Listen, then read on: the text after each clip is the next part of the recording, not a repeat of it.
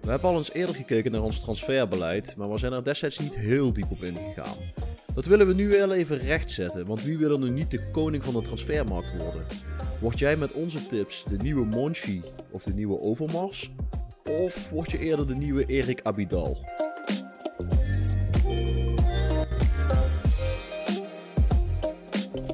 De Football Managers United podcast.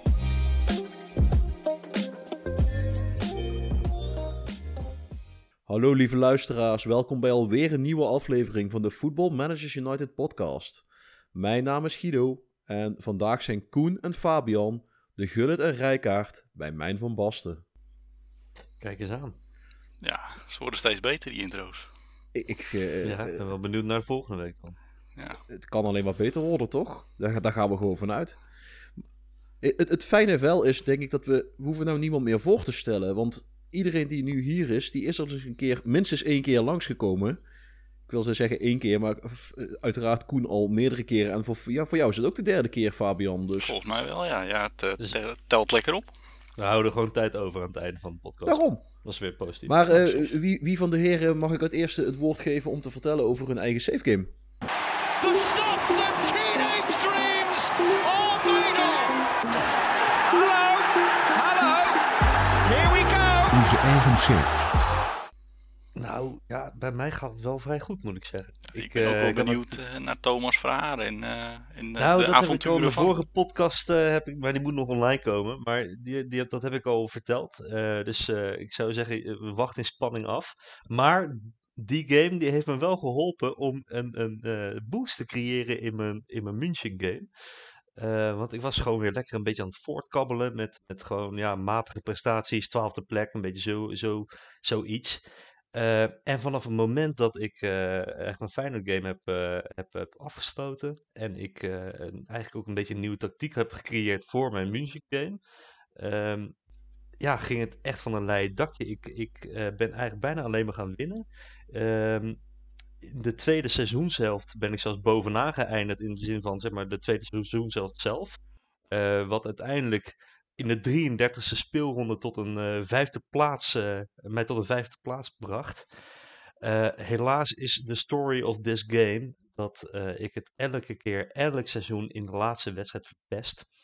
Dus ik heb toen verloren uit van Augsburg. En eh, daardoor werd ik zevende.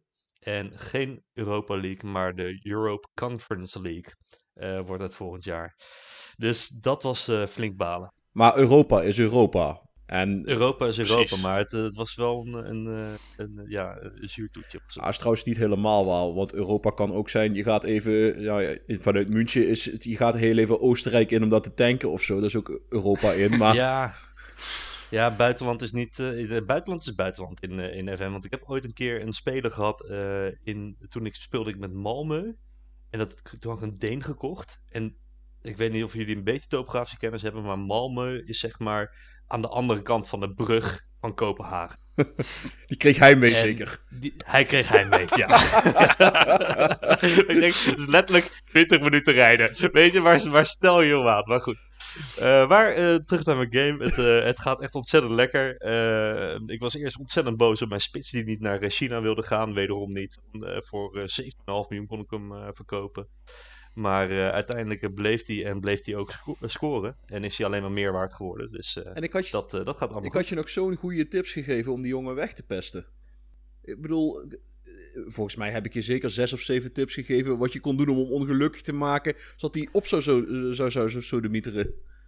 Ja, ik zat al helemaal met een, met een kat op mijn schoot en te draaien in mijn, in mijn stoel en, en in mijn handen te wrijven wat ik, wat ik zou gaan doen. Blofeld. Maar ik- toen, toen moest ik hem opstellen, want mijn, mijn, mijn ja, reservespits was eh, geblesseerd. En mijn andere spits had ik verhuurd, dus ik had niet zoveel keuze meer. En ik wilde wel gewoon wedstrijden winnen. En toen schoot hij er weer eh, twee of drie in en die wedstrijd erop weer. En die wed- dus hij bleef, ja, hij heeft mij een beetje behoed het, eh, van het nemen van slechte beslissingen. Overigens nog wel een ander dingetje van mijn game. Ehm, ik heb voor het eerst in deze game gewonnen van de rode rivaal. Van Bayern München. Kijk eens aan. Nice. 1-0, ook gewoon zwaar terecht. Ik had ze helemaal in de zak. Eh, en, leuk detail, dat was de 33e speelronde. En eh, daardoor zijn zij voor het eerst in, in 15 jaar geen kampioen geworden. Dus dat was ook een hele pijnlijke. Ik, ik moet trouwens zeggen, die, die spitssaga van jou, die doet me een beetje denken aan die, aan die eh, Franse jongen die bij FC Keulen gespeeld heeft. Die heeft uiteindelijk ook met veel zeiken een transfer afgedwongen naar China. Maar weet je waar dat... Bij mij was het andersom. ja, ik wilde dat hij naar China ging. maar eh, weet je, eh, in China was ook niet een geweldig succes voor hem. En daarna is hij na, geloof ik, eh, 20 wedstrijden weer teruggekeerd bij diezelfde club uit, eh, uit de Bundesliga. Oh, Ehm, dat is wel pijnlijk. wacht, wacht, wacht. Eh, Anthony Modest was dat. Eh, ehm, alleen jij kreeg hem dus niet weggepest en bij jou bleef hij scoren. Ja, ja, ja, helaas. Hè? For me. Oh ja, hij was niet eens de topscorer. Hij was voor mij met 18 doelpunten of zo heeft hij het eh, afgerond. En mijn Argentijnse snelle rechtsbuiten, waar ik het al eerder over had, eh, heb gehad, uh, Giusti, een New Gen, die heeft de competitie afgesloten met 19 goals. En die is nu de grote, grote smaakmaker. Een Koen special. Ja. Zeker. Wat, ik, eh, wat me trouwens nog wel opvalt, dat is even een persoonlijke frustratie. Ehm, ik ben nu acht seizoenen bezig met 1860. Ik heb ze van de bodem opgebouwd naar een goede Bundesliga-club die gewoon handhaaft en zelfs Europees gaat spelen nu. En ik sta nog steeds niet in het favoriet personeel. Wat, heb, je, heb, je de, heb je de dochter van de voorzitter een beurt gegeven of zo? Dat kan ermee te maken hebben. Of, Ja, of- er moet toch er moet iets zijn waardoor jij, eh, waardoor jij het jezelf moeilijk maakt. Ja, Zelfs bankzitters staan, staan erbij. En de voorzitter ook trouwens, stond er ook bij. ja, dat is het. Dat is Dat- het. Die, die voorzitter die is natuurlijk als de dood. Dat die wordt ingehaald door zijn eigen trainer. Dat kan je niet hebben. ja, dat of die... Heb je daar tips voor dat je de voorzitter weg kan pesten uit je club? Ja, op zich wel. Als je het echt wil Nou, in, weten. in Zweden is het, in we Zweden is het ideaal.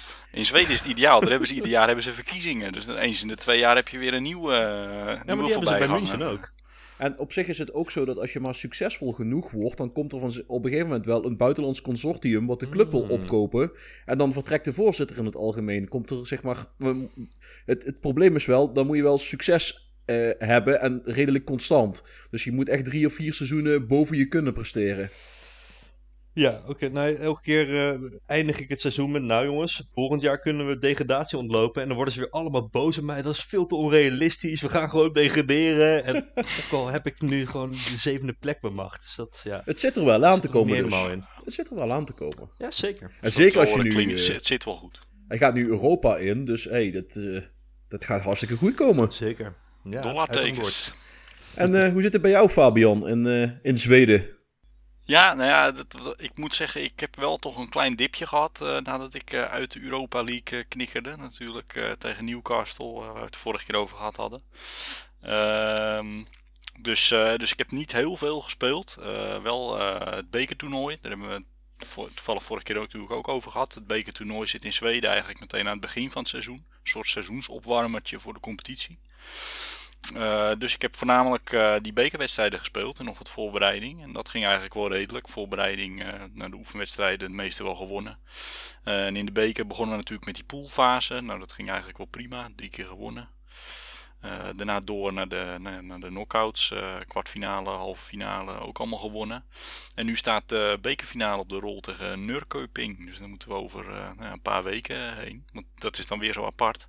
De halve bekerronde wordt eh, aan het begin van het seizoen gespeeld. Maar de bekerfinale zit dan weer ergens eind mei, midden in de competitieperiode. Dat is eh, zeker omdat het weer dan beter is daar, ik weet het niet. Dus, eh, dus dat, ja. En voor de rest, wat betreft het onderwerp, ben ik vrij druk bezig geweest met de selectie een beetje versterken. Kijken waar we eventueel nou ja, nog eh, mensen kunnen aantrekken. Uh, mede ook in het achterhoofd dat we weer Europa ingaan. Want we hebben ons via de competitie vorig jaar weer geplaatst voor de Europa League.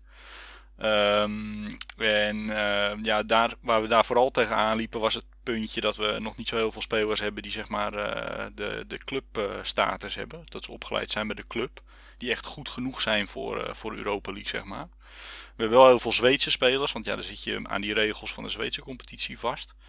Alleen club is nog een beetje lastig. En er was er één uh, nieuw gen, die is een paar jaar terug uh, voor 10 miljoen aan uh, Arsenal verkocht.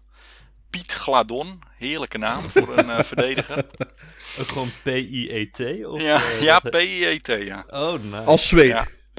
Een die Nee, ja, nou, heet. hij zit nu al zo lang in Nederland dat hij inderdaad ook, de, of eh, in Zweden dat hij deels Zweed is geworden. Maar dat is een Nederlander, want ik had toen ter tijd een Nederlands eh hoofdjeugdopleiding. Ah. Maar eh, nou, dankzij die 10 miljoen aan Arsenal is hij, eh, nou ja, hebben wij wat mooie dingen kunnen doen met de jeugdaccommodatie, et cetera. Alleen ja, Arsenal die gaf hem een contract voor, eh, wat was het, drie jaar. En eh, dat werd niet verlengd. Dus wij hadden zoiets van, nou, eh, als je wil, jongen, Welcome kom maar, back, baby. kom maar terug. Ja, welkom back. Dus dat heeft ons 10 miljoen opgeleverd. En wij zijn hem eh, drie jaar kwijt geweest. En eh, nu is hij weer terug. Dus eh, Oh ja. die gaat ons heb- eh, helpen in de Europa League volgend seizoen. Dit doet me wel denken aan een verhaal wat ik, wat ik ooit in, ehm, met mijn Bury game heb gehad. Ergens is voetbalmanager 2016 of wat dan ook. Toen had ik Andrija Zivkovic had ik toen op eh, de rechtsbuiten staan. Zeker. Die deed het heel lekker. Die heb ik toen voor 50 miljoen verkocht aan eh, Manchester City. Daar heeft hij drie jaar op de bank gezeten. Toen heb ik hem dus weer voor 15 miljoen of zo teruggekocht. Toen deed hij het weer heel erg lekker bij mij. En toen heb ik hem weer voor 50 of 60 miljoen verkocht aan Manchester City. Ja. Dus dat, dat is echt briljant beleid daar. Hetzelfde Paris Saint-Germain heeft ook van die dingen. Dan, dan eigen jeugd laten ze dan niet doorbreken. Dat kun je daar vaak transfervrij ophalen. Dat speelt dan één of twee seizoenen bij jou. En dan, dan kopen ze dat voor 50, 60 miljoen weer terug. Om het daarna weer op de bank te zetten. Waarna je ze weer kunt terughuren voor een jaartje. En, nou, belachelijk af en toe. Ja, dat is nu ook, want die contracten die lopen natuurlijk tot met de zomer. Eh, terwijl in Zweden lopen die contracten vaak tot en met november, december. Dus eh, we hebben zijn contract, eh, nou ja, we hebben een contract aangeboden en we huren hem nu voor dat andere, voor die laatste helft van het seizoen. Dus hij loopt gewoon uit zijn contract en dan gaat hij één dag gaat hij weg en dan komt hij weer terug. Go- Goeie business, Fabian. Ja, zeker. Mar- Mark Overmars zou trots op je zijn. Mark Overmars in de dop. eh. Ja, wie weet. Ja. Ja, en als ik dan naar mijn eigen save kijk, dan zeg ik, ik zit een beetje in die... Ik heb een beetje een keeperscrisis. Want normaal gesproken is mijn eerste keeper meneer Donnarumma. En die is geblesseerd. En dan moet ik gaan kijken naar mijn reservekeeper. En eigenlijk is dat de... En, en ik ga ervan uit dat, je, dat hij geen verkoudheidje heeft. Nee, volgens mij had hij iets met een, met, met een enkel eh, blessure. En eh, nou ja, zes weken langs de kant. En nou ja, nou zes weken aan zich geen ramp. Dat is iets van acht tot tien wedstrijden die die, die mist. Maar ik moet dus wel een andere keeper opstellen. En nou, mijn reservekeeper, dat is meestal iemand die speelt een jaar bij mij. Komt er dan achter dat hij het helemaal niet leuk vindt om alleen maar op de bank te zitten en eigenlijk nooit te mogen spelen. Dus die verkoop ik meestal na een jaar weer. En het mooie is, en dan sorteer ik een klein beetje voor op wat er dadelijk gaat komen in de kern van het verhaal. Als jij kampioenschappen wint, dan wordt zelfs je reservekeeper ineens een hoop geld waard. Dus dat is best lucratief om een, een keeper die je voor, eh, noem maar eens wat, 2 miljoen binnenhaalt, die geen wedstrijd voor je speelt, maar wel uiteindelijk bijvoorbeeld een kampioenschap en een Champions League achter zijn naam heeft staan, die is dan ineens 10 tot 12 miljoen waard. Nou ja, dan verkoop je hem voor hetzelfde bedrag. Dus eh, zelfs als je de salariskosten ervan afhaalt, is het gewoon ja, een ontzettend mooie, on- ontzettend mooie deals. Tenzij je... Plus je hebt sowieso salariskosten nodig om een tweede keeper te hebben. Dus Ja, daarom. die hoef je er niet eens af te halen. Maar Precies. het probleem is dan wel, als Donnarumma dus een keer geblesseerd raakt, dan ga je dus spelers opstellen waarvan je eigenlijk niet precies weet wat ze gaan brengen, omdat ze eigenlijk nooit aan spelen toekomen. En de eerste speler die ik opstelde, eh, dat was een, eh, een Nederlander, Kelvin Ratzi. Die had ik al eens een keer eerder onder contract gehad. Eh, hij liep bij Ajax uit zijn contract, dus gekocht van Ajax. Bij mij is hij kampioen geworden, Champions League gepakt, voor 14 miljoen naar AS Roma gestuurd. En AS Roma, nou ja, dat ging niet helemaal lekker daar. eh, grabbelde een aantal keer. Die hebben hem toen gezegd van, nou weet je wat, eh, je mag weer vertrekken. Toen stond hij voor, ik geloof, anderhalf miljoen op de transferlijst. Ik denk, ach weet je, ik haal hem gewoon opnieuw. En ik, stelde, ik stelde hem dus op de eerste, bij zijn AC Milan debuut. En we hebben die wedstrijd gewonnen met 5-3. Maar alle drie de tegendoelpunten, Kelvin Ratzi. Eh, eentje was een vrije trap, zo'n grabbelbal, dat hij die vrije trap gewoon lost en dat de inlopende verdediger hem bij de tweede paal naar binnen loopt. Vervolgens gaat hij onder een hoge voorzet door. En bij de derde, en dit is, dit is zo'n zo'n zo'n cliché FM-momentje waar je gewoon de neiging krijgt om iets door de kamer te gaan gooien. Hij gaat een bal uittrappen. En op de een of andere reden ziet hij gewoon niet dat er een spits twee meter voor hem staat. Dus hij rost die bal vol tegen die spits Oh ja. aan. En kijk, het is dat ik die wedstrijd dan nog win. Maar toen, ik had echt zoiets van... Dit, ik word hier niet heel erg vrolijk van, Kelvin. Dus eh, eh, Kelvin wist alweer dat hij kon vertrekken op het einde van het seizoen. Dat, dat weet hij nu al. Dat, dat, of ja, ik weet niet of hij het weet, maar dat, dat besef dat gaat dadelijk nog wel komen. Nou, dan, dan ga je kijken, wat heb ik in de tweede nog rondlopen, wat ik ook kan opstellen. Want het kan alleen maar beter zijn dan Kelvin Razi. Nou, dan had ik nog een of andere jonge Spanjaard rondhupsen. Uh, Puertas.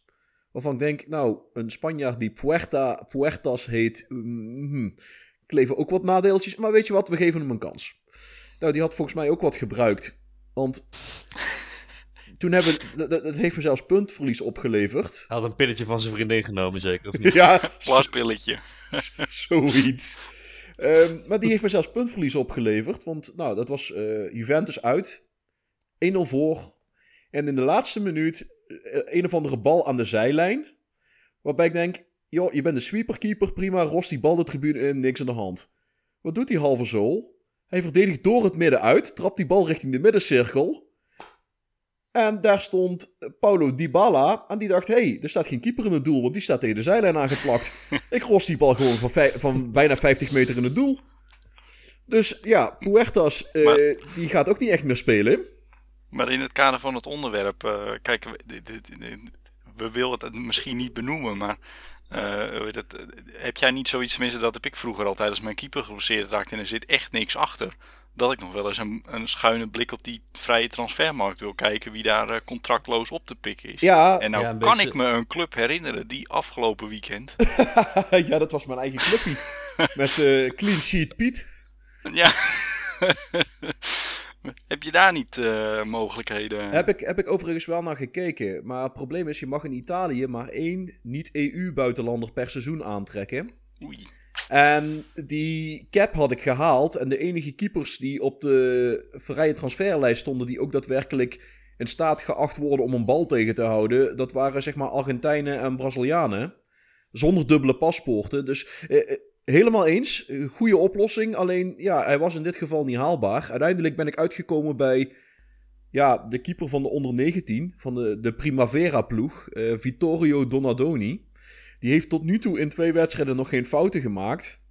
Maar ja, hij moet nog vier of vijf wedstrijden volhouden. eh, want dan is eh Donnarumma pas weer fit.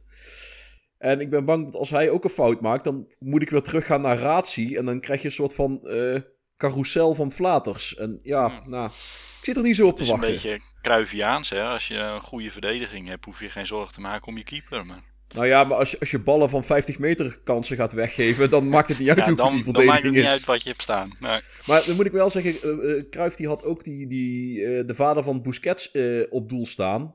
Die heet uiteraard ook Busquets. Maar dat was een soort van handbalkeeper. Die, kon, die was heel snel van de lijn komen. Maar dat- zeg maar niet een hele goede doelman op de lijn. Als je ooit een keer de kans hebt, google hem maar eens een keer. Carlos Busquets heette die vent. Volgens mij heeft Cruijff regelmatig zijn hart vastgehouden. Iedere keer als die man van de doellijn af moest komen. Ik kijk nergens van op, want volgens mij heeft Cruijff zelfs ooit een keer gezegd dat hij heeft overwogen om zonder keeper te gaan spelen tegen bepaalde ploegen. Dus, eh, Maar maar we dwalen te ver af. Cru- Cruijff is eh, toch gestopt met trainen uiteindelijk omdat hij ook hartproblemen kreeg, of niet? Misschien wel. Dan begrijp ik, dan begrijp ik nu wel waarom die zijn Het gekomen. begint nu te dagen. Maar het feit dat het een kettingroker was, zal beslist niet hebben bijgedragen aan de feestvreugde. Ja, dat is een Nee, aanname. dat, hè? Bij zijn. Er is geen wetenschappelijk bewijs voor. Maar eh, dat brengt ons inderdaad wel bij het onderwerp van vandaag. It's just the most extraordinary scenario you could have dreamt of. The unthinkable unfolds before our eyes. Het thema van de week. Namelijk ja, de scouting trucjes. Hoe halen wij onze nieuwe spelers? Waar halen we ze vandaan? En ik denk dat eh, Fabian had al een leuk bruggetje gemaakt. Ik denk dat een van de dingen die we allemaal doen, is dat we die free agent list in de gaten houden. Welke spelers hebben geen contract? Welke spelers hebben aflopende contracten? En hoe pakken we dat aan? Eh, wie van de heren wil deze voorzet binnentikken? Nou ja, die aflopende contracten die hou ik altijd heel scherp in de gaten. Want dan ga ik gewoon eh, rond ja, eh, jan 1 januari kijk je dan gewoon eventjes van wat, eh, wat eh, loopt er allemaal af. En hoeveel zijn al die spelers waard. En eh, dan ga je even de, de, degene met de hoogste waarde ga je scouten. Althans, zo doe ik het dan. Of ik kijk eh, welke er al op de shortlist stonden.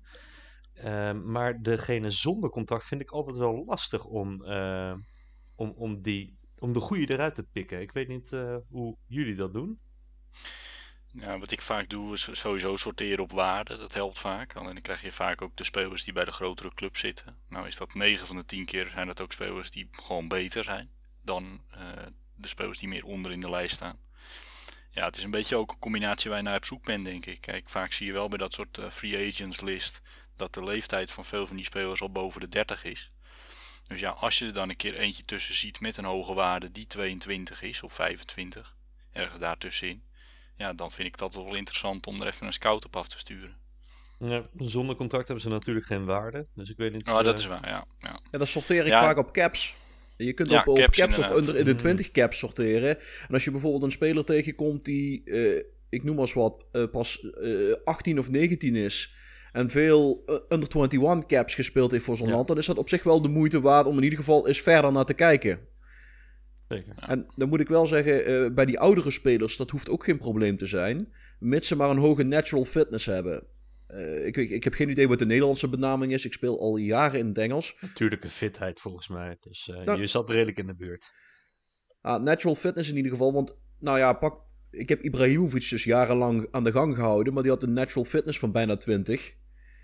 En als je een speler hebt die hoge natural fitness heeft. Nou ja, dan maakt het, ook, maakt het op een gegeven moment niet zoveel uit dat hij fysiek misschien wat minder wordt. Omdat hij wel iedere wedstrijd gewoon een uur tot 70 minuten kan spelen. Dan heb je er nog wat aan. En iets wat ik zelf heel vaak doe. Maar ja, dat is mijn. eh, noem het mijn verknipte geest. Is ik, ik koop spelers zelfs als ik ze niet nodig heb. Eh, bijvoorbeeld met AC Nee, met een, eh, Ja, maar er is een andere functie voor, dat heet op proef nemen. Nou, ik, ik, doe, ik, ik ben echt een hoorder. Dan, koop ik, dan zie ik bijvoorbeeld, ik noem maar eens wat. Bij AC Milan heb ik op een gegeven moment Yannick Gerhardt gekocht van FC Köln. Niet omdat ik hem nodig had, maar hij had een marktwaarde van bijna 40 miljoen. En zijn contract liep af. En eh, er was geen enkele positie waar ik hem echt nodig had. Maar ik denk, als ik hem nou koop. En ik verkoop hem na een jaar weer. Hij zal niet heel veel minder waard worden dan dat. En nou, zegt dat hij me 3, 3 miljoen of 4 miljoen kost aan salaris en, en premies en dergelijke in een jaar. Met nog een miljoen- miljoentje tekengeld. En ik verkoop hem weer voor die 40 miljoen. Dan heb ik net zo goed 35 miljoen winst bijgeschreven. En van dat soort jongens probeer ik er altijd twee of drie per seizoen binnen te halen. En dan doe ik inderdaad wat Koen ook doet. Ik ga kijken naar spelers met een hoge waarde. Die relatief lage salarissen binnenhalen. En vaak niet ouder zijn dan een jaar of 24 max. En dan probeer ik die binnen te halen. En naast het feit dat ik dat in januari doe, probeer ik ook altijd in de zomerstop te kijken. Want dan beginnen de spelers in de Zuid-Amerikaanse competities uit de contracten te lopen. Alleen word ik daar dan wel gedwongen om te kijken naar jongens die ook Europese paspoorten erbij hebben. Al zijn er gelukkig best veel Argentijnen met Italiaanse paspoorten. Of Brazilianen met, nou ja, in Brazilië loopt van alles qua dubbele nationaliteiten rond. Ik kwam laatst ergens een Braziliaanse Oostenrijker tegen, waarvan ik denk, het zal, als je, als je maar kunt ja, voetballen. het dat is een, een- natuurlijk een goede eh, tactiek als je eh, AC Milan bent. of, eh, een andere grote club. En dus uiteindelijk altijd misschien leuke, leuke maniertjes. Maar in, in, bij de club waar ik nu zit. En de periode vooral waarin ik nu zit. ehm, heb je gewoon niet zo'n groot salarisbudget. Dus dan kan je dat soort dingetjes niet zo goed permitteren. Nee, maar je kunt dan wel vaak een risicootje nemen bij het, met name spelers die al eh, jeugdinternational van hun land zijn. Ja, oké. Want we, we zei, ik, ik, heb het, ik heb het vorige week ook gehad over die estafette save met Hajduk Split. En een van de dingen die we daar deden was structureel de jeugdploegen in Zuid-Amerika en Oost-Europa afgaan en kijken of we daar niet iets kunnen vinden. En daar hebben we een heel gek, het is geen Hongaar, maar het is een Roemeen, maar hij heet Puskas. Maar het, is een, een rete snelle aanvaller, dus Hey. juist.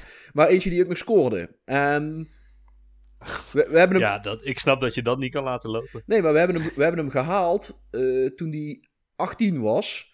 En volgens mij stond hij wel bij Steaua Boekarest onder contract al. Maar hij had in iets van 14 jeugdinterlands had hij 18 keer gescoord. En dat is hoe we hem op het spoor gekomen zijn. Toen zagen we dat die transfer listed was. En toen we verder gingen kijken, zagen we dat bijvoorbeeld Arsenal en een aantal grotere ploegen belangstelling hadden. Dus tr- Oh, dat is ook altijd een goede indicatie ook altijd. ja, Ja, zeker. en toen hebben we Clubinteresses. Precies, toen hebben we toegeslagen. hè. Nou ja, en, en drie of vier seizoenen later is het een nou ja, subtopspits van Europa... die dadelijk voor 30, 40 miljoen de deur uitloopt. Dus inderdaad, eh, de, de, de, belangstelling van Europese topclubs is wel natuurlijk een goede weggever van... hey, volgens mij kan die wel redelijk voetballen. Ja, en dan is een goede tip bij, want ik had, ik had uh, in mijn game ook. Toen ging bij Borussia Dortmund was er een echt een geweldige keeper. Daar liep de contract vanaf. Een, een nieuw gen ook. Andreas Kietking. En um, nou, ik wilde die natuurlijk hebben. Ik bedoel, gratis, uh, gratis topkeeper erbij. Die was op zijn 18e, zou ik hem al gelijk in de baas kunnen gooien.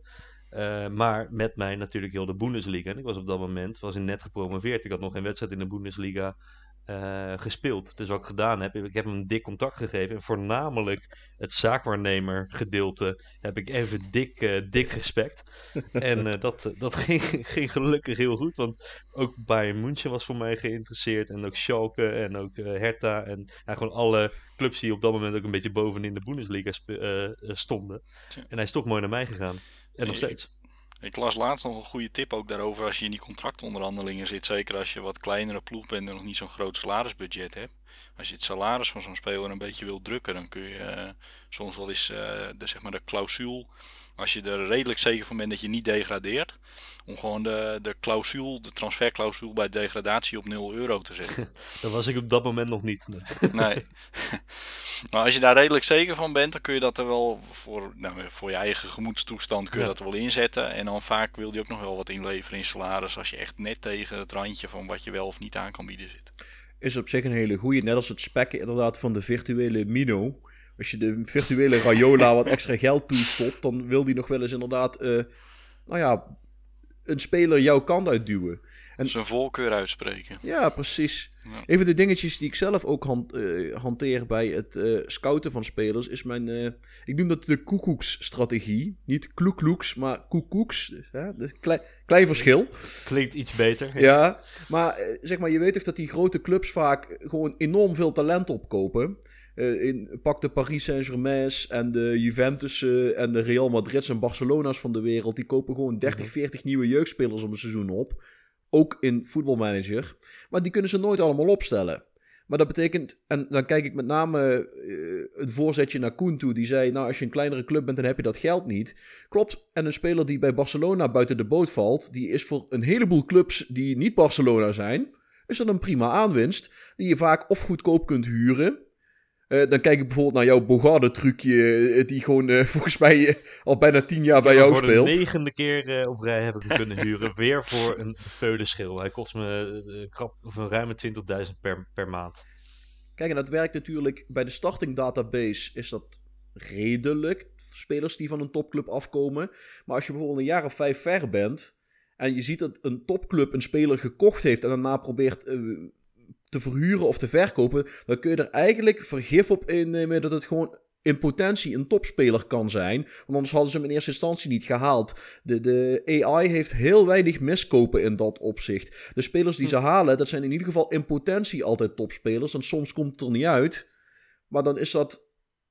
Nou, dat zeg ik ook nog verkeerd. Het, som, het komt er soms wel uit, maar uh, spelers worden door de computer opgesteld op basis van hun reputatie. Niet op basis van hun kwaliteiten. Dus dat betekent dat de computer bijvoorbeeld altijd zal gaan voor een oudere speler die een hogere reputatie heeft dan voor een jonger talent, wat vaak wel al ja, beter ontwikkeld is of sterker is.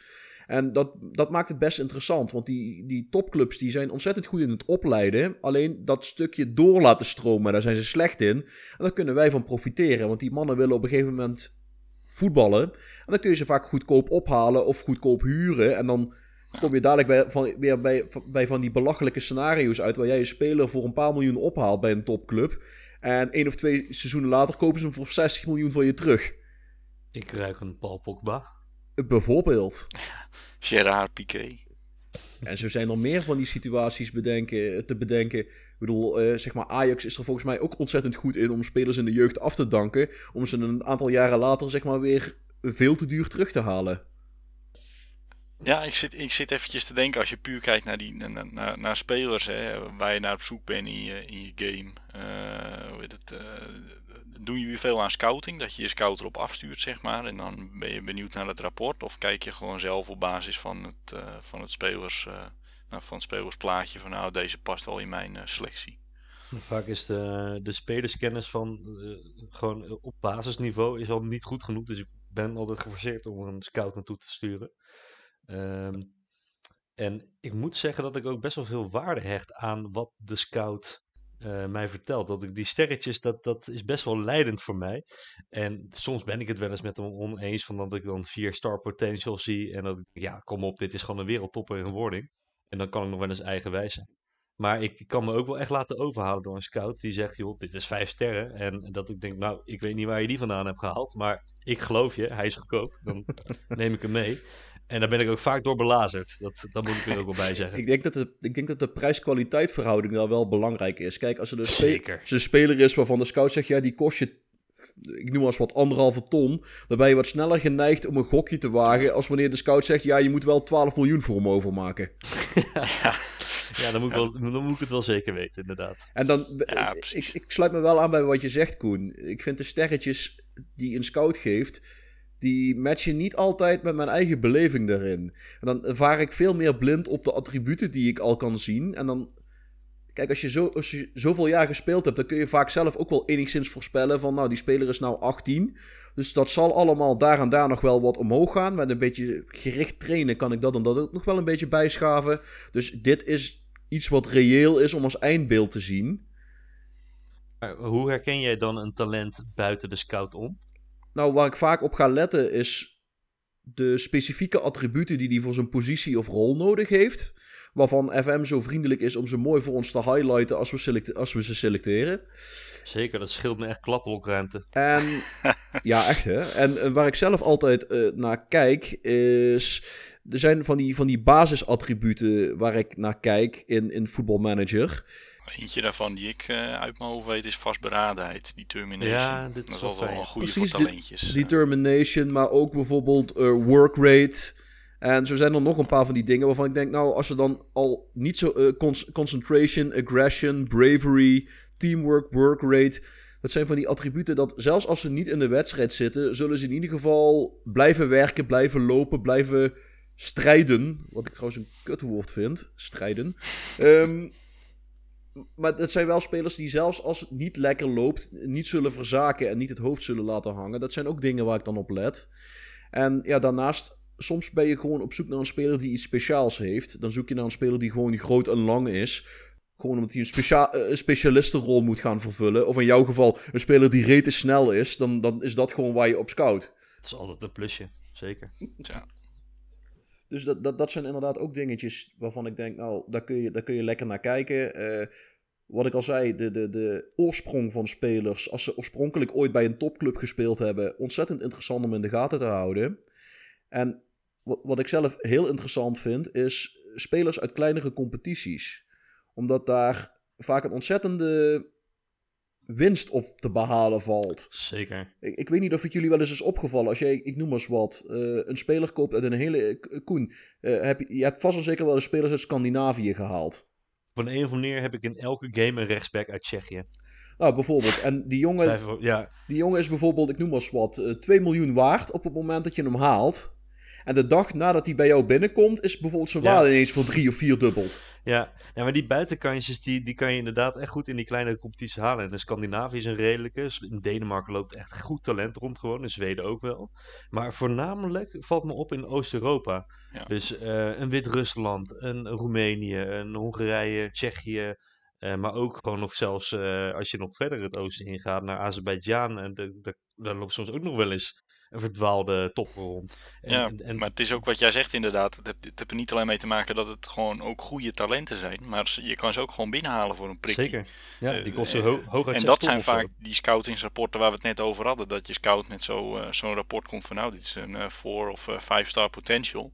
En eh, nou, leg even anderhalve ton neer en eh, je hebt hem al in, eh, in huis. En dan, en dan kun je ook een gokje wagen. En dan, dan zit je een beetje, ja, hoe moet ik het zeggen? Ik scout zelf heel veel op de Balkan. Omdat ik denk, nou, dat zijn vaak eh, spelers die en een EU-paspoort hebben. Eh, Servië wel pas vanaf 2027, heb ik tot mijn schande om moeten ondervinden. Eh, maar wel spelers waarvan ik denk, nou ja, die doen het meestal wel goed in Europa. En ook die, nou ja, de toptalenten van Rode Ster en Partizan Belgrado en Hajduk Split. nou, niet eens Hajduk Split, maar vooral Dynamo nog die- Zagreb. Die nogal duur zijn. Ja, maar die, die haal je vaak voor een miljoentje haal je die ook nog wel binnen. En een miljoentje, nou, voor jouw 1860 is een miljoentje al heel wat. Ja, nu niet meer, hè. Hij speelt Ja, nu Conference League. ik speel Europees, man. Wat denk jij? Sorry. een miljoentje is voor hem nu iets minder, maar... Kijk, als je, als je met een AC Milan speelt, prima joh, dan koop je gewoon zes of zeven van die jongens zonder daar moeilijk over te doen. Dat is wisselgeld. Ja. Maar ook voor een wat kleinere club wil je voor een miljoentje. En je denkt, nou dat is die jongen die wat me wel de Conference League van Europa in gaat helpen. Dan is een miljoentje uiteindelijk een koopje. Oh, dat is echt het doel ook. Ja, Nou ja, eh, droomrealistisch toch? ja, ja zeker. zeker. Ja, daar kunnen we spelers wat van leren met een... eh, Nou, we gaan zeker degraderen dit seizoen. Maar dat heeft wel weer met de reputatie te maken. Net zoals dat de AI spelers opstelt met een lage reputatie, zijn, is, is de AI bijvoorbeeld ook eerder geneigd om eh, te verkopen aan clubs met een hogere reputatie of die in een hogere reputatiecompetitie actief zijn. Dus Ja. als jij als club uit de Bundesliga aan gaat komen bij een club ergens in eh, Tsjechië of Servië of Wit-Rusland, die speler wordt of ongelukkig en die gaat zeiken en die, gaat, die wil weg. Of de club denkt, nou, ik kies gewoon eieren voor mijn geld. En het is een leuk bedrag wat we ervoor krijgen, laten we hem maar verkopen. En dat Ik zet, wou net zeggen. Lekker naar de media en eh, die jongen Ja, wordt dat helemaal gek. een eh. techniek eh, die ik ook wel eens gebruik. ja, Ja, hoor. Een voeten. gewoon lekker lopen etteren. Nee, maar een ander dingetje. ehm, want we hebben het nu vooral over, zeg maar, de bestaande spelers die we, die we op die manier halen. Maar zijn jullie dan ook van die, van die mannen die de new gen intakes, de, de jaarlijkse jeugdinstroom, eh gehighlight hebben in hun agenda? Dat, dat, je, dat je zit te wachten op buitenkantjes daar. Ik heb dat wel gedaan in het verleden, maar het, eh, ik doe het om twee redenen niet meer. Eén, het kost gewoon echt te veel tijd, want ik ging ze dan ook allemaal waarde een beetje bekijken en op scout en weet ik het. Dat, ja, dat, dan was je in die periode zo lang met die maanden bezig en dat vond ik niet meer leuk. En ten tweede vond ik het ook een klein beetje vals spelen. Is het wel natuurlijk, daar heb je gelijk in. Zeker als je via dat, eh dat wereldicoontje gaat en gewoon de Ja. hele World Youth Intake op een rijtje Zeker. zet en gewoon je scouts erop loslaat. Dan, eh, dan, dan voelt het op een gegeven moment wel als cheaten. En dan kun je ook nog manueel gaan scouten en denken: oké, dit is eh, de Youth Intake van Belize. Nou, ik ga daar eens gewoon even niet kijken, want dat zal hem wel niet worden. Maar daar komt hij van Argentinië en dit zijn de hoogste divisieclubs daar. Nou, de dikke kans dat we er daar wel een paar goede gaan oppikken. Ja. Ja. Nee, klopt. Ik heb een beetje hetzelfde. Ik moet eerlijk zeggen, ik heb niet eh, dat ik inderdaad op de datum nauwkeurig eh, bij andere clubs ga kijken. Eh, wat ik wel vaak doe, en eh, ja, dat, dat zullen jullie denk ik ook wel beamen, dat je daar soms wel eens kijkt. Dat je in de echte lage jeugdelftallen van de, van de landen gaat kijken. Dus de onder 18's, de onder 17's. Ja. Daar komen vaak dan jongens binnen die net een jaartje in de game zitten of net een jaartje bij een club. Eh, ja, soms, dat, je, je moet er vaak dan wel iets meer voor betalen. Zeker als die in je eigen, in je eigen land eh, ook spelen. Maar daar kom je soms ook wel eens wat pareltjes tegen Ja, natuurlijk. je, kon, je kon eerst natuurlijk met. eh, voor mij is dat er inmiddels uitgehaald, maar ik weet het niet zeker. eh, dat je, eh, als, als ze zeg maar nog geen contract hadden getekend, geen voorcontract hadden getekend, dat je ze echt voor een peulenschil kon ophalen. Ja, Ehm, maar voor mij kan dat inmiddels niet meer. Een ander, ander trucje wat, er, wat ik zelf heel interessant vind, is in Spanje hebben ze, een jeugd, hebben ze de jeugdcompetities, spelen daar een soort van seniorenvoetbal. Dus eh, daar heb je een aantal clubs die eh, krijgen alleen maar new gens door van een jaar of 16, 17, hebben geen eerste elftal. Maar die mannen spelen wel in een soort van seniorencompetitie tegen andere jeugdteams. Dus die spelers die ontwikkelen zich razendsnel. En dan zit je bijvoorbeeld eh, een, een team waar ik ieder jaar wel even kijk, is, is CF Dam met de dubbele M en, eh, uit, uit de buurt van Barcelona. Daar komen best leuke spelers vandaan. Eh, geen wereldtoppers, maar zeg eh middenmoot eredivisie. En die hebben allemaal aflopende contracten of amateurcontracten. Dus die kun je van niks ophalen. En dan ga je kijken, nou dan zie je bijvoorbeeld een speler die er daar ehm, in, in 20 wedstrijden 16 injast. En die is gratis. Nou ja, hè, wat, wat heb je te verliezen? Zo'n jongen tekent vaak een contract voor 500, 600 euro per, week. Wat weliswaar een hoop geld is voor ons. Maar in het spel is 500, 600 euro per week is niks. En dan, dan bied je zo'n jongen een driejarig contract aan. En als het, niks, als het niks wordt, nou prima, dan ben je misschien een ton kwijt over die drie jaar. En als het wel wat wordt, nou dan heb je een goedkope gratis speler. En in de meeste gevallen is het niks voor je eerste. Maar kun je hem daarna wel nog voor een miljoentje naar een Spaanse lagere divisieclub doorverkopen. Dus in 99 van de 100 gevallen word je er niet slechter van. En Ja, klopt. eh, ik heb trouwens wel, ik weet niet of jullie dat ook herkennen, dat je een lijstje hebt gemaakt van clubs die ieder, ieder seizoen weer interessante spelers voortbrengen. Ik, bijvoorbeeld een, eh, een van de clubs die ik altijd in de gaten hou is in Ivoorkust. ASEC Mimo, Mi- Mimosa, Mimo, Mimoas. ASEC in ieder geval. Daar komen altijd geweldige Ivoriaanse spelers vandaan. Koen, let op jongen, want ze zijn rete snel. Bijna allemaal. Welke positie ze spelen. Ik ga gelijk, eh Kladblokje gelijk erbij. in die voorkust. En vaak ook met dubbele paspoorten. Vaak ook met een Frans paspoortje erbij of zoiets. Dus dat wil ook nog wel eens interessant zijn. Ja, sommige, clubs, sommige clubs hebben dat ook gewoon. Als ik bijvoorbeeld naar Zweden kijk, dan heb je BK Hekken. En nou, de, als je puur kijkt naar de staf daar, er zit dan een hoofdjeugdopleiding. Dan denk je van, van nou, dat is ook niet heel bijzonder. En de rest van de jeugdtrainers is allemaal niet, eh, niet heel eh, te gek. En ook eh, als je bij faciliteit kijkt, helemaal niet goed. Alleen die halen ieder jaar halen ze wel eh, een- een pareltje binnen in die jeugdopleiding. Dus eigenlijk ben ik in Zweden, ja, standaard komt ook wel wat fatsoenlijks voor dat mijn jeugdopleiding onderhand. Maar als je, en ik kijk altijd ieder jaar wel even bij BK Hekken, want dan staat er ook altijd wel eentje op het veld. En dan denk je van, hoe is dat nou mogelijk als die club toch niet zo'n goede hoofdjeugdopleiding en zo hebt. Maar ik denk dat er dan toch gewoon bepaalde clubs zijn, die jij net ook noemt, eh, waar je gewoon altijd wel gewoon een goede jeugdintake hebt, eh, ondanks eh, dat de hoofdjeugdopleiding niet bijzonder is bijvoorbeeld. Ah, in Duitsland zie ik dat bijvoorbeeld heel vaak bij Stuttgart. Wat eigenlijk een, een modale Bundesliga-ploeg is. Tot onderkant van de Bundesliga. En toch hebben ze altijd geweldige youth intakes. Ja, ze hebben mij net gedegradeerd, dus ik ga er ook eens even kijken wat er nog eh, te Kijk, plukken valt. koopjes op kan halen.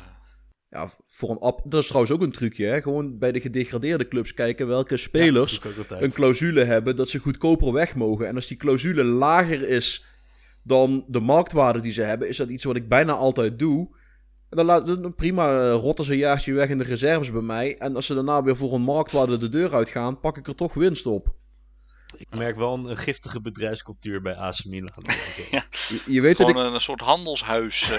je, je weet dat ik een selectie heb van in totaal bijna 200 man. Hè? Dus dat is, dat is niet helemaal ja, voor ja, niks. daar heb ik de Tra salaris trainen jullie er ook in groepen op het trainingsveld? Of, eh, Ik heb geen idee hoeveel trainingsvelden ze hebben. Dat boeit niet. Leggen ze te pakken. We, Milanello die peilt uit, joh.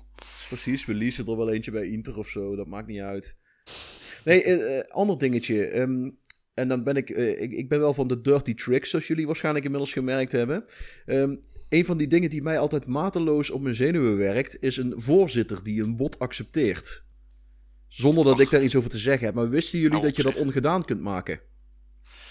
Ik heb er wel eens op gezocht, maar de, de- ik kon alleen een truc vinden dat je het zeg maar kan voorkomen. en Niet hoe je het ongedaan kan maken. Je kunt het ongedaan maken. Want Vertel. Als de voorzitter het bod accepteert, dan ben je kansloos. Dat bod kun je niet weigeren. Maar als je vervolgens zorgt dat er een ander bod komt, wat je zelf accepteert, dan, Ah, kun, je, ja. da- dan kun je de transfer daarna alsnog afblazen. Dus eh, de truc is dan, eh, het is wel spelen met vuur. De truc is dan, stel je voor, eh, jij bent eh, een, jou- een Zweedse club en Arsenal komt langs en die bieden 12 miljoen op jouw speler. Piet en- Gladon. Piet Gladon. En het bestuur zegt: Piet, de groeten. You, you, you do not keep a clean sheet, Piet. Dus toedeledokie. Nou, dan, dan zeg jij: Ja, maar ik wil Piet terug. Dus wat doe je dan? Je biedt die speler voor 6 miljoen aan.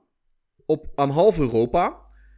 En daar komt wel interesse. Want als Arsenal hem hebben, dan komen er ook wel andere clubs. En dan hoop je gewoon dat hij het bod van een andere club dan Arsenal accepteert. En op het moment dat je dan moet bevestigen, zeg je cancel. En dan maakt het niet, Ja, meer, uit, dan maakt het niet meer uit dat, hij dat, bod van, dat, dat het bestuur dat bod van Arsenal geaccepteerd heeft.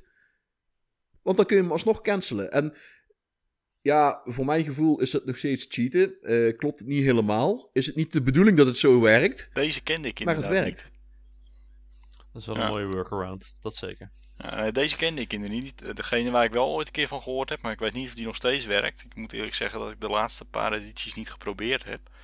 Maar als jij, ja, dat, dat is wel iets vervelender, hebt wat neveneffecten. Maar je kan bijvoorbeeld ook zeggen van, nou, ik eh, ge- geef me, mijn speler een bepaalde transferwaarde mee, waarvoor die zeg maar weg mag.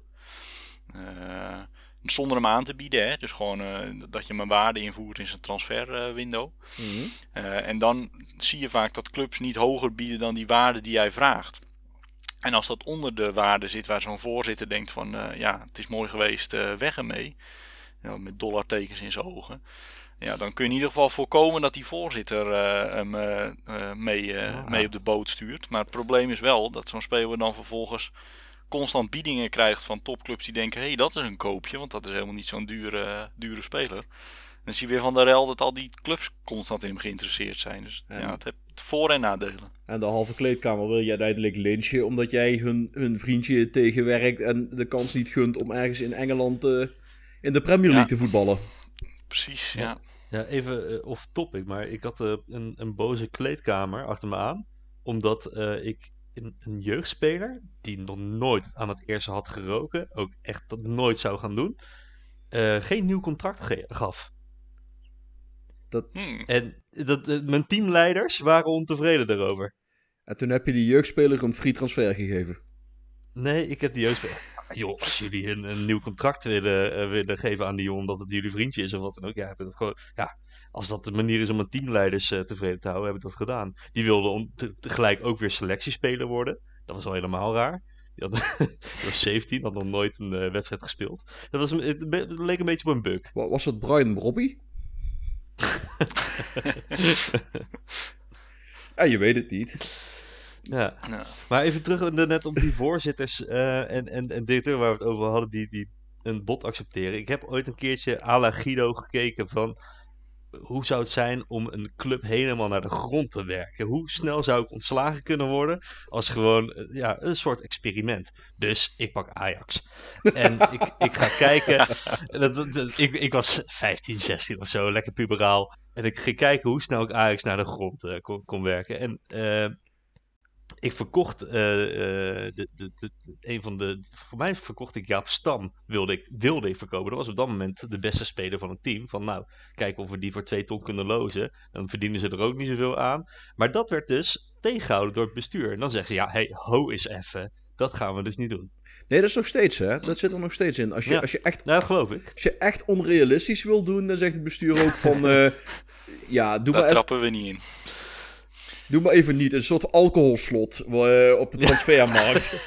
Volgens mij heb je... Op zich, op zich is het wel goed om een alcoholslot in voetbalmanager te hebben. Want anders gaat het helemaal fout. Maar volgens mij kunnen we er ook nog eens een keer een special van maken. Voetbalmanager aan alcohol. Wa- waarom dat je dat niet moet doen. Ik, ik ben is voor het dat we gewoon eerst eh eh 10 tequila naar binnen, naar binnen gooien en dat we daarna een game gaan starten. Zolang we dat niet doen voordat we de opnames gaan maken. Want ik, ik, ik weet niet of dat goed gaat aflopen als we 10 tequila gaan drinken. En dan nog proberen in zinvolle zinnen te praten. Waarschijnlijk zijn we dan vergeten om eh, de, de audio aan te zetten. Dus eh, Dan, dan vergeten we iemand om op record te drukken. Ja, dat, dat kunnen wij hartelijk om lachen. eh, maar Fabian is dan degene die het weer moet gaan oplossen. Ja, ik wou net zeggen. Zit ik weer met de gebakken peren. ja, e- even aan de luisteraars, het is al eh, twee keer gebeurd. Ja, Dat een, een gast, we noemen geen namen. Maar het waren niet Koen en ik. verge- vergeten was om. Oh, eh, oh, op- oh, laat mij er ook even buiten. Sorry, het, het was niet Koen, het was niet Fabian en ik was het ook niet. eh, maar dat iemand die te gast was, en jullie mogen raden via mailtjes, ehm, vergeten was om op record te drukken. En eh, in in het tweede geval hebben we zelfs van tevoren nog gezegd: het is de, twee weken geleden ook iemand gelukt. Controleer je leven. En in hun verdediging, iedereen voelde zich wel ontzettend lullig daarover. En ze kunnen natuurlijk, je kan er niks aan doen. Maar het is voor ons, het is wel een soort running gag voor ons geworden. Wel ja. We zijn eh voor mij flink afgedwaald. Zullen we overstappen naar de speler en team van de week? Ja, ik, ehm, ik denk dat ik voor de speler van de week heb ik een, eh, heb ik een hele goeie. What is going on here?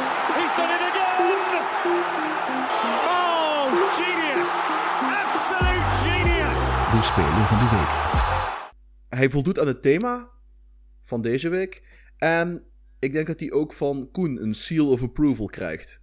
Nou, dan, dan weet je al wat, wat twee van de eigenschappen. eh, Hij zelfs. is rete snel.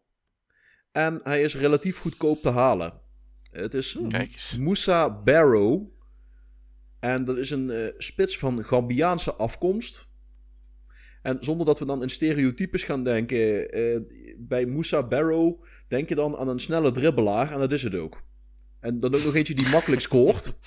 Hij is door Atalanta Bergamo verhuurd aan Bologna. Bologna heeft een verplichte optie tot koop, maar Bologna is geen hoogvlieger in de Serie A. En na dat eerste seizoen kun je hem vaak voor, en ik zeg relatief goedkoop, voor 20 miljoen, relatief goedkoop, kun je een speler halen die vaak in het eerste seizoen in de Serie A er ergens tussen de 15 en de 20 ingejast heeft. Er zijn dagen dat ik geen 20 miljoen heb. Ja, we hebben net allemaal tips gegeven om geld te besparen. Dus dat Ja. moet wel, eh, onze luisteraars moeten dat wel in een laadje hebben liggen. Vandaag is overigens een van die dagen dat ik geen 20 miljoen heb. Nou, eh, maar eh, Moussa Barrow dus, een, ontzettend snelle, eh, bijna dodelijke aanvaller. Met name als je op de counter speelt, als er dus ruimte ligt achter die vijandige verdedigingslinie. En Moussa Barrow is dus ook een van die spelers die... ehm, die 5-3 waar ik het in het begin over had, daar kreeg ik er twee om de oren van eh Moussa Barrow. waaronder dus eentje inderdaad dat hij gewoon ja, langs drie verdedigers door accelereerde. Eh, ik, ik werd daar niet heel vrolijk van, maar hij heeft wel indruk op me gemaakt. Jij bent weer op de Wikipedia tour gedoken om eens uit te zoeken van wie is die eh, snelle speler bij de tegenstander. eh.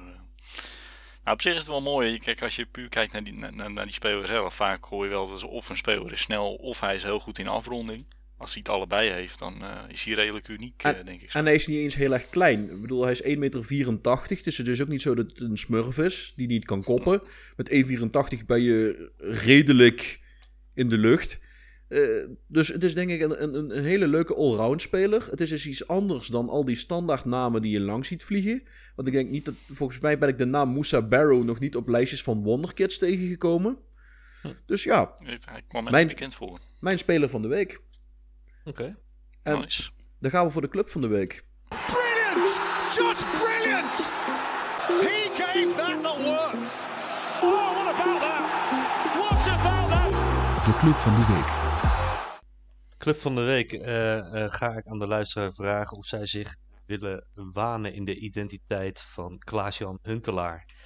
Eh, die Ajax heeft verlaten en dacht ik moet Schalke 04 redden. Niet als speler, maar als trainer. Dus maak een persoon aan met Klaas-Jan Huntelaar en ga dat zootje ongeregeld van Schalke 04 een keer eh, eh, van degradatie behoeden. Want ehm, op dit moment staan zij op 9 punten in de Bundesliga. En ze hebben eh, pas 5-1 verloren van Stuttgart. Een club waarvan wij net eh, hebben gezegd dat die er ook niet zoveel van bakken.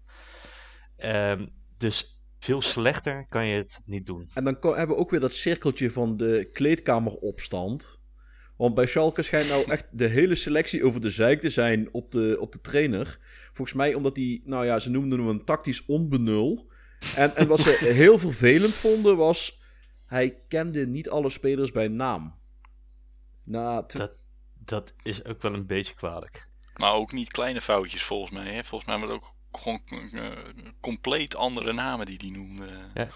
Ik had het even opgezocht trouwens. Ze staan op 9 punten. En ehm, eh, pas hoorde ik van ze zijn op weg om het slechtst presterende ehm, eh, club te worden in de Bundesliga alle tijden. Dus ik ging het even kijken. Waarschijnlijk zijn ze inmiddels alweer over die punten heen. Er is één club geweest in de geschiedenis van de Bundesliga, uit, een club uit Berlijn, die ooit acht punten in een heel seizoen heeft gehaald. Tennis Voorwaarts Berlin of zoiets is het toch? Ja, is- is het TSV of zo, zoiets inderdaad. Maar een club uit Berlijn in ieder geval. Die heeft ook maar één seizoen gespeeld. Staan ook onderaan die ranglijst van Bundesliga alle tijden. Eh, dus beter dan dat ga je het al helemaal doen. Ah, maar het, het kan ook snel omslaan. Want we hebben hier heel lang gedacht dat Emmen de slechtste eredivisieploeg aller tijden zou worden. En die hebben nou gewoon twee wedstrijden op rij gewonnen. En die hebben ineens aansluiting bij ADO en Willem II gevonden. En nu denken we Ja. dat Feyenoord de meest eh, slechtste eredivisieclub aller tijden aan het, ge- aan het worden is. Nou, ik heb wel, er is wel een jaar geweest dat we echt serieus even gevreesd hebben of Feyenoord niet in de na-competitie terecht zou komen. dat was in het jaar van Mario B zeker. Ja, dat, dat, ze eh, tiende werden. Ja, ja. Ja, maar daar- hebben ze volgens heel- mij een tijdje, hebben ze volgens mij een tijdje ook net boven de rode streep gestaan. Ja, ik weet toen wel dat de grap was dat eh, Karwei het nieuwe sponsor werd van Feyenoord. Want geen punt bij Karwei. Maar dan kom je bij, kom je bij van die cliché. Ik heb ze allemaal ontvangen, jongens. Ik heb, ik heb ze allemaal ontvangen. Ah, dan kom je bij van die cliché-grappen uit. Ik bedoel, wat is het verschil tussen Feyenoord en een boek? Een boek heeft een titel. Uit de- ja, ja, ja. Oké, Die was ook Nou, slecht. Die was bij slecht. deze. Laten we, laten, we Koen, eh, laten we Koen redden hiervan, eh, want dit gaat de verkeerde kant op. eh. En dan moet je Eén ding waar ik nog wel be- benieuwd naar was, dat, dat- dat is alweer van een tijdje geleden, maar ik weet niet of jullie dat nog misschien weten. Er is toen op een gegeven moment pakte Schalke wel wat punten. Dat was volgens mij rond de jaarwisseling een beetje.